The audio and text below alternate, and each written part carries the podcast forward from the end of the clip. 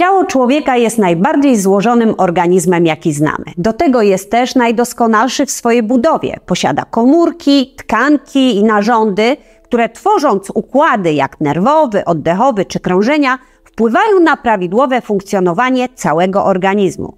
Aby nasz organizm działał prawidłowo, ważne jest, aby nie zakłócać współpracy tych wszystkich elementów. Równowaga w organizmie to inaczej homeostaza.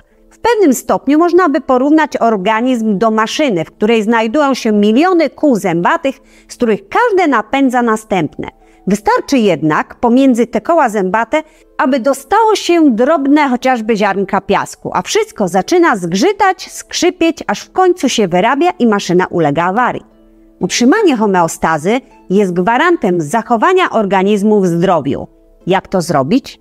Odpowiedź jest, wydawałoby się, bardzo prosta. Po prostu nie przeszkadzać, nie sabotować pracy organizmu, podając mu niewłaściwy pokarm, wspomagać organizm aktywnością fizyczną, bo wbrew temu, co niektórzy myślą, nie urodziliśmy się tylko po to, by siedzieć i jeść. Utrzymanie homeostazy jest kontrolowane przede wszystkim przez trzy główne układy: nerwowy, hormonalny oraz immunologiczny. Nasz organizm w drodze ewolucji wykształcił sobie specjalne układy regulacyjne. W zależności od różnych warunków zewnętrznych optymalizuje pracę wszystkich układów, na przykład w sytuacjach stresowych poprzez wzmożoną pracę poszczególnych układów wchodzi na wyższe obroty. Natomiast podczas snu organizm zwalnia, regenerując siły. Nasuwają się pewne wnioski. Aby nasz organizm prawidłowo funkcjonował, należy dostarczyć prawidłowy pokarm i odpowiednio nawadniać się, dbać o higienę snu, aby dać sobie czas na regenerację. I trzecie, wprowadzić aktywność fizyczną. Co to znaczy prawidłowy pokarm? Każdy z nas wie, że organizm ludzki potrzebuje kilku ważnych składników pokarmowych. Po pierwsze, białek, które są głównym składnikiem budulcowym organizmu, tłuszczy, które są niezbędne do budowy hormonów, a także węglowodanów, które stanowią główne źródła energii. No i oczywiście nie możemy też zapomnieć o mikro i makroelementach, jak też witaminach. Powszechnie dostępne jest wiele przeróżnych diet, jak dieta kopenhaska, głodówkowa, wysokobiałkowa, kapuściana, South Beach, dieta grejpfrutowa czy też keto. W poszukiwaniu zdrowia często decydujemy się na jakąś dietę, bo na przykład sąsiadka Kowalska dobrze się czuje na tej diecie, to ja też na pewno będę się dobrze czuła. Potem co? Okazuje się, że przynosi to odwrotny skutek. Brak nam energii albo popadamy w anemię, morfologia po prostu leży. Okazuje się, że w diecie było za mało mięsa, a my niczym go nie zastąpiliśmy.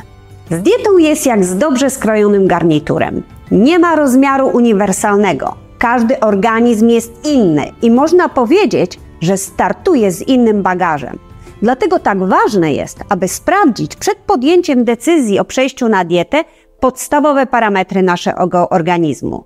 Wykonanie takich badań jak morfologia z rozmazem, badanie moczu, glukoza natczo, poziom witaminy D i B12 czy trio tarczycowe TSH, FT3 i FT4 to minimum, aby coś zaplanować.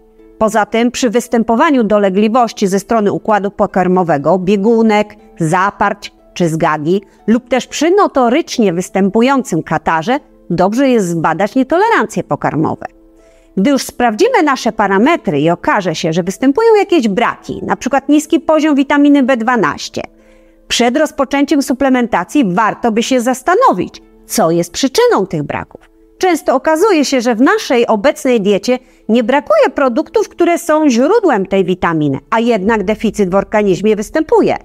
Przyczyną tego może być słabe wchłanianie tej witaminy przez nasz organizm i suplementacja pierwszą lepszą witaminą B12 nie przyniesie żadnych skutków. Nie wszyscy wiedzą też, że po 50 roku życia wręcz skazana jest suplementacja witaminą B12, gdyż nasz układ pokarmowy, a dokładniej komórki okładzinowe żołądka nie działają już tak sprawnie jak powinny, co ma wpływ na przyswajalność witaminy B12. Gdy zdiagnozujemy przyczynę niedoboru takiej witaminy, jesteśmy w stanie dobrać odpowiednią formę. Na przykład w przypadku witaminy B12 może to być metylokobalamina w formie rozpuszczalnej pod językiem, która łącząc się ze śliną pięknie nam się wchłonie i uzupełni nasze braki. Natomiast powszechnie sprzedawana cyjanokobalamina do łykania nie da takich efektów. Oprócz tego należy też wiedzieć, jakie suplementy można łykać razem, a jakie oddzielnie, gdyż wiele mikro i makroskładników konkuruje ze sobą. A do tego niektóre związki zawarte w żywności, jak na przykład kwas fitynowy, zmniejszają biodostępność niektórych makro i mikroskładników. Dlatego właśnie suplementacja na ślepo często jest po prostu wyrzucaniem pieniędzy w błoto.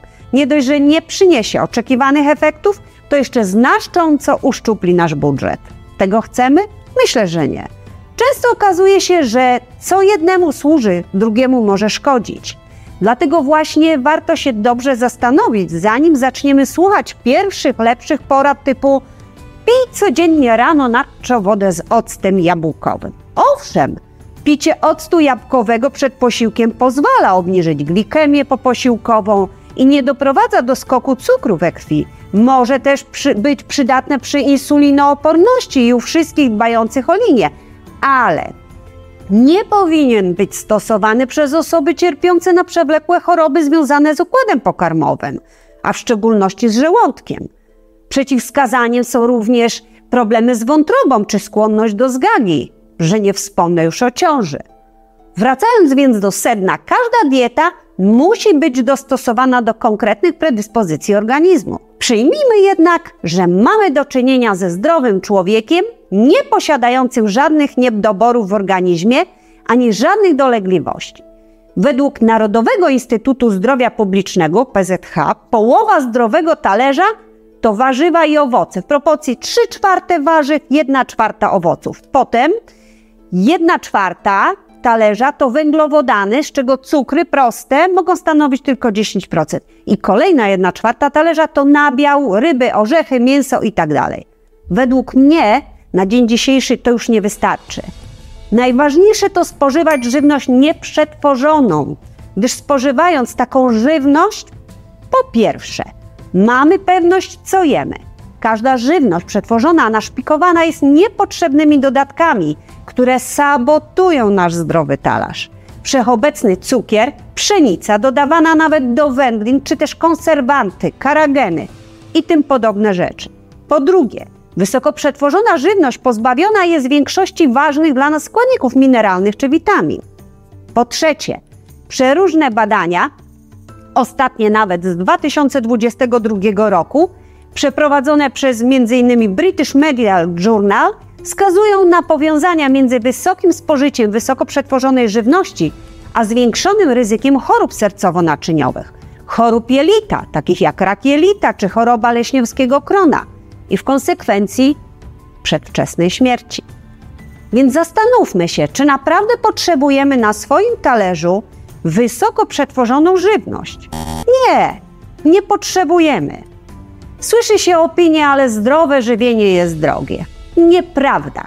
Paradoksalnie zdrowe żywienie jest nawet tańsze, gdyż idąc na zakupy, mijamy te wszystkie półki z wysoko przetworzoną żywnością, a w naszym koszyku lądują jedynie w miarę możliwości świeże warzywa, owoce, olej roślinny, kasze gruboziarniste, płatki, pieczywo pełnoziarniste, mięso i ryby czy woda.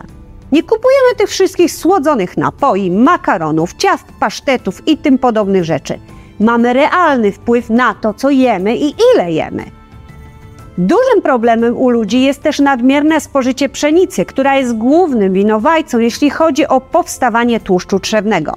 Bardzo ładnie i wyczerpująco pisze o skutkach spożywania pszenicy dr William Davis w swojej książce pod tytułem Dieta bez pszenicy. Muszę się przyznać, że książka ta bardzo zmieniła moje podejście do tego zboża. Z własnego doświadczenia wiem, że odstawienie samej pszenicy pięknie przywraca prawidłową sylwetkę. W moim przypadku okazała się też być jednym z głównych produktów, których nie toleruje mój organizm. I szczerze uważam, że wszyscy powinni ograniczyć spożycie pszenicy. Zresztą nie jest to tylko moje zdanie. Oglądałam ostatnio webinar z udziałem Jakuba Mauricza i Iwony Wierzbickiej i oni też poruszyli tę kwestię.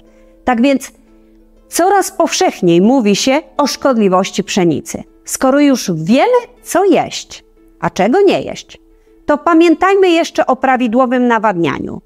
odpowiednio zwiększając ilość wypijanej wody wraz ze wzrostem temperatury otoczenia lub wykonywanym wysiłkiem. Styl życia w największym stopniu determinuje stan naszego zdrowia. Wysiłek fizyczny w postaci systematycznie prowadzonych ćwiczeń jest potrzebny każdemu człowiekowi. Optymalna aktywność fizyczna ma korzystny wpływ na zdrowie, co potwierdzają liczne badania.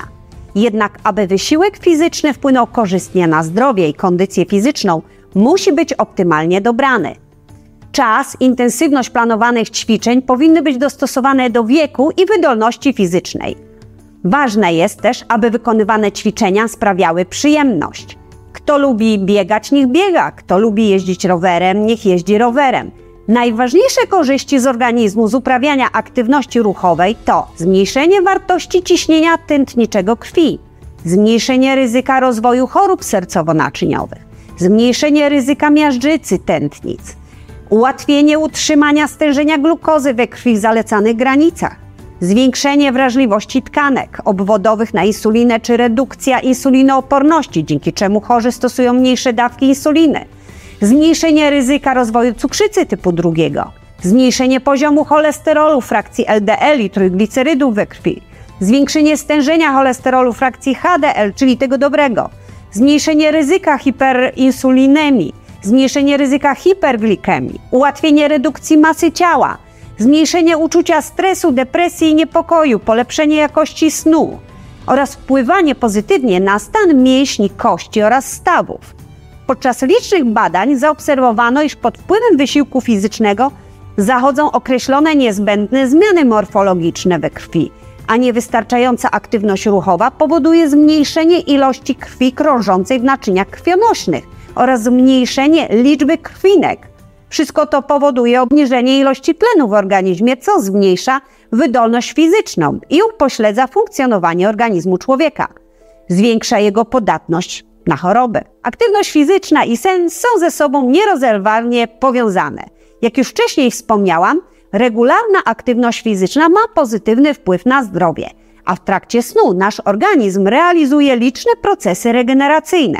Badania na osobach dorosłych pokazują, że umiarkowana aktywność fizyczna poprawia jakość snu w tym stopniu, że wydłuża czas snu głębokiego, a także skraca czas zasypiania.